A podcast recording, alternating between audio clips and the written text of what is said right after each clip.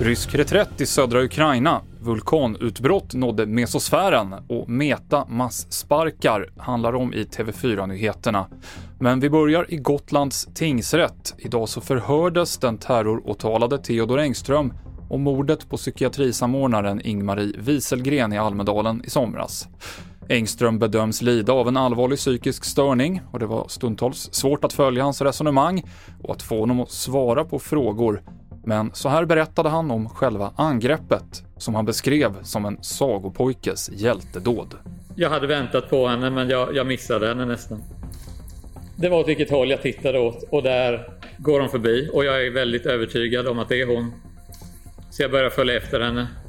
Jag kommer då sedermera att hugga ner vad som är en gammal dam och jag ser ändå detta som en sagopojkes hjältedåd. Mer från rättegången i Visby på TV4.se.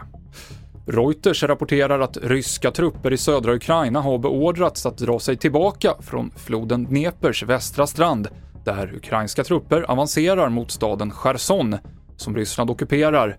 Regionen med samma namn är ett av de områden som Ryssland annekterade vid en ceremoni för bara några veckor sedan. Vår reporter på plats i Ukraina berättar om den senaste utvecklingen i kriget på TV4.se. Meta, som bland annat äger Facebook och Instagram, bekräftar idag att man planerar att dra ner personalstyrkan med drygt 11 000 personer, vilket motsvarar 13% av personalen.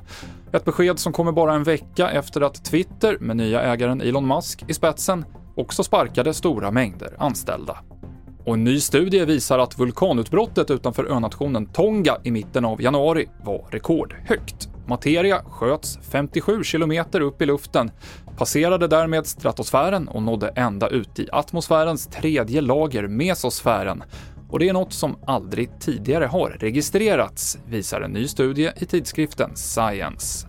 Det avslutar TV4-nyheterna med Mikael Klintevall i studion.